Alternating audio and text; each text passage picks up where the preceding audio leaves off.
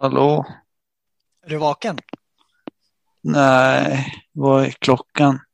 02.43 och det är ju torsdag. Varför är du vaken nu? Jo, men pastorn och polarna har ju släppt nytt avsnitt. Hoppas jag inte väckt dig, men nu kör vi!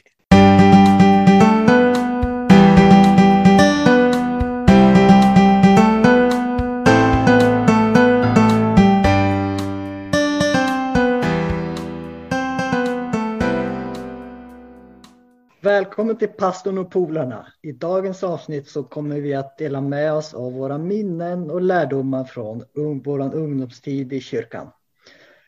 Det är mycket snack om varför folk och speciellt ungdomar idag lämnar kyrkan. Och det finns många studier och böcker på, på det här ämnet. Men just idag så kommer vi att fokusera det från en liten annan synvinkel.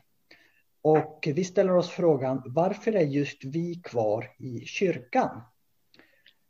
Så då tänker jag, berätta om ett starkt minne eller en upplevelse som du har från kyrkan när du var mindre. Ja, jag har många minnen från kyrkan men eh, ett speciellt minne är ju gemenskapen och eh, jag hade ju en eh, kompis, Samuel Karlsson, som är lika gammal som jag som, eh, som vi, vi umgås mycket i, i kyrkan och hade mycket roligt ihop. Eh, sen eh, hade sopplunch eh, efter eh, kyrkan och den gemenskapen där alla stannar kvar och man kunde äta och prata tillsammans. Det är något som, som sitter kvar och man minns väldigt eh, starkt. Sen hade vi också påsklägret eh, som man har väldigt många minnen ifrån. Kan någon berätta lite mer om påsklägret? Vad är det som är så, eh, varför var det så speciellt? Det är ju magiskt. Du får köra skoter, du får träffa folk från andra kommuner och du får äta gott, du får lyssna på bra predik eh, predikningar. Det finns som, ja, Slussfors blir typ tio gånger större i en vecka, det är ju perfekt. ja, sen det känns som att alla andra läger som våran, vårat samfund har är på något sätt vi som ska åka ner, men påsklägret, det är den gången som folk kommer till oss. Ja, och så var det liksom, vi var ju eh, bara några få ungdomar i Slussfors, där vi kommer ifrån. Och så bara helt plötsligt kommer liksom 50-60 ungdomar, det var jättestort. Så det var ju helt otroligt. Och kristna ungdomar också. Och lägret, det som också var lite speciellt kan vi säga att det var ju faktiskt vi ungdomar, alltså vi, eh, som Eh, planerade och arrangerade lägret. Kanske inte riktigt där i, när vi var unga, men på senare tiden var det ju vi som ordnade. Så inte nog med att vi, vi var både liksom arrangörer och deltagare. Eh, och någon hade ett, ett möte på morgon, en morgon, morgonmöte och eh, ett kvällsmöte. På, så, så det var en väldigt andlig fokus också på just det. Ja, och så det här med att eh, man fick visa upp naturen och, och fjällen till sådana som inte har sett det förut. Det är en speciell känsla det. Ja. Man blir lite hemmablind annars lätt. Eller känner jag. Att då, när de andra säger oj vad fint det är, då får man faktiskt kolla runt lite och ja, man kan ju bara hålla med. Okej, okay. eh, ja men vi har väldigt fina minnen och vi ska ju också säga att vi, alla vi här, vi växte ju upp i, i samma kyrka så att vi är ju barndoms, barndomsvänner från, från samma församling. Och det, alla församlingar har ju inte ett påskläger eller någonting men det finns i alla fall någonting som, som man kan minnas tillbaka på. Men om vi, om vi tänker lite vidare då, det här med tro och gå till kyrkan och så. Eh, det är ju väldigt lätt att, att det bara blir att man går till kyrkan för ens familj, föräldrar eller kanske till och med kompisar gör det. Men någon gång så blir det att man måste ta sin tro på som sin egen och ta den på ett större allvar. Kan någon berätta lite om om eh, ni har någon sån erfarenhet? Ja, nej men eh, jag är uppvuxen i kyrkan och all, ja, pappan är pastor och var ju pastor i kyrkan där vi, där vi gick. Så man, man, liksom, man, man kom till kyrkan varenda lördag och mötte sina vänner och hade kul på så här sabbatsskola där man läser Bibeln och på ett eh, aktivt sätt på ett vis. Och sen så var det ju gudstjänst då. Det var ju inte lika roligt när man var så jätteliten. Men eh, sen gick åren och sen blir man ju kanske lite mer intresserad. Åkte på sådana här träffar till eh, storstan och sånt där. Och sen så, vilket år var det Adam? Vi, för vi gjorde det samtidigt, tog dop. Kan ha varit 2016. Ja, jag tror det stämmer. Så en eh, sex år sedan typ. Det är länge alltså. Ja, det är läskigt. Och där började det liksom, där tog man en ut för andra visa att, att jag vill följa Jesus. Inte bara för liksom familjen. Om vi tog, beslut, tog vi beslutet på samma plats också? Att vi skulle Kan hända. plats. Jag minns, för mig var det på ett läger som kallas, eller ja, Impact. Och det är någon, en, ett läger som handlar om att ungdomar samlas på en plats, en stad och Mm. i en eller två veckor har ja, en missionssatsning där i den staden. Så för mig var det där. Ja, jag minns det. Det var fin där ungdomar samlas och, och gör någonting gott för en stad. Det, är väldigt, det var väldigt trevligt faktiskt. Mm. I Norge. Okej, men eh, berätta lite mera där. Vad, hur, hur tänkte ni just när ni tog det beslutet om dopet? Minns ni? Så jag, vet, inte, jag minns att Per-Erik ring, ringde mig när, när jag var där och frågade om, om jag ville. Och, och berättade att Noel då var intresserad av att döpa sig.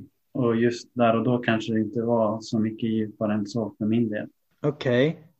Berätta mer. När tog du din tro på lite mer större allvar då? En del är ju det här med dopet är ju en viktig hållpunkt i att visa för andra, precis som Noel sa, att, att jag tar min tro på allvar och att nu går jag inte i kyrkan för någon annans skull utan nu är det någonting som är mellan mig och Gud.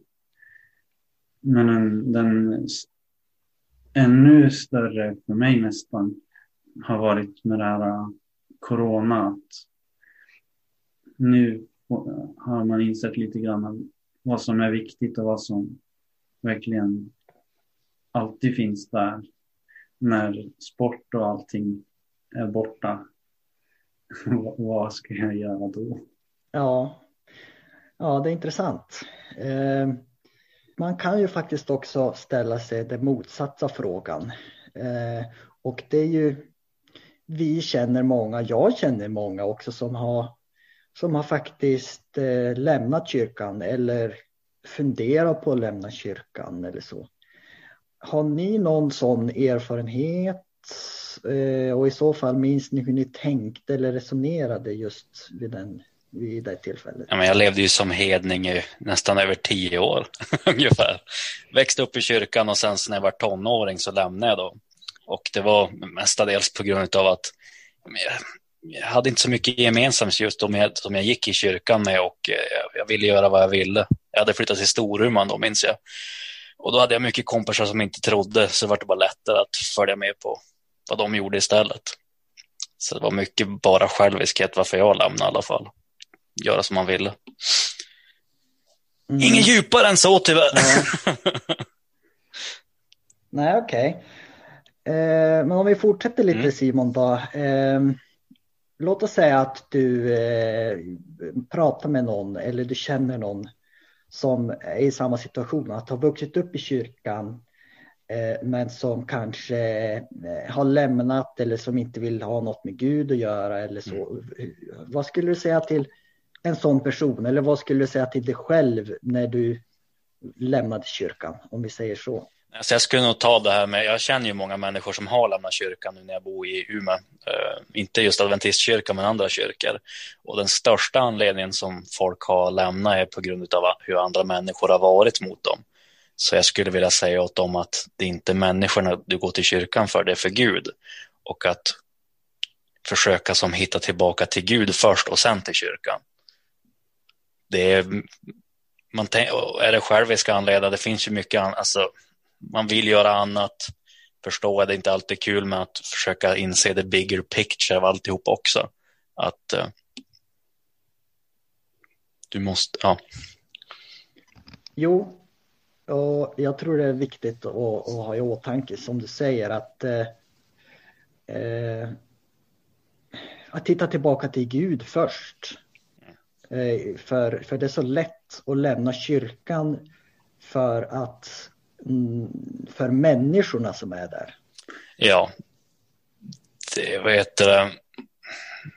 Det är, något, det är väldigt vanligt i alla fall att jag pratar med människor om just att, det, att människorna, jag menar en präst eller vad som helst, eh, får dem att göra det. Jag tänker att en, en grej man kan göra om man börjar fundera på att lämna kyrkan är att ställa sig frågan varför? Lite som ni har varit inne på. Är det på grund av människor, då är det kanske inte en rätt anledning att lämna kyrkan. Ja, man kan ju köra så här. Det är populärt att skriva positiva och negativa på en lista och se vilka man får flest av. Liksom. Ja.